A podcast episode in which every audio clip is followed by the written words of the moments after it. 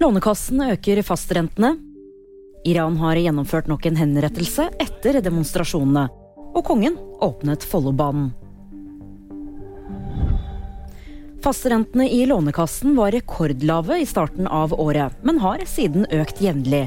Fra 1.1 stiger fastrenten på studielån til et gjennomsnitt på rundt 4,6% I 2022 har kun 1300 kunder i Lånekassen bundet renten på studielånet.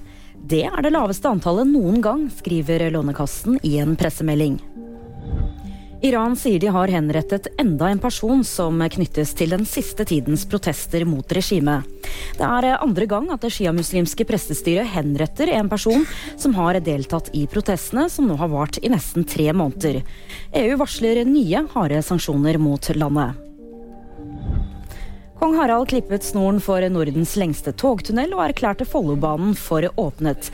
Etter flere utsettelser og budsjettsprekker så er den endelige prislappen for det omfattende prosjektet på hele 36,8 milliarder kroner. Det var VG nyheter, og de fikk du av meg, Julie Tran.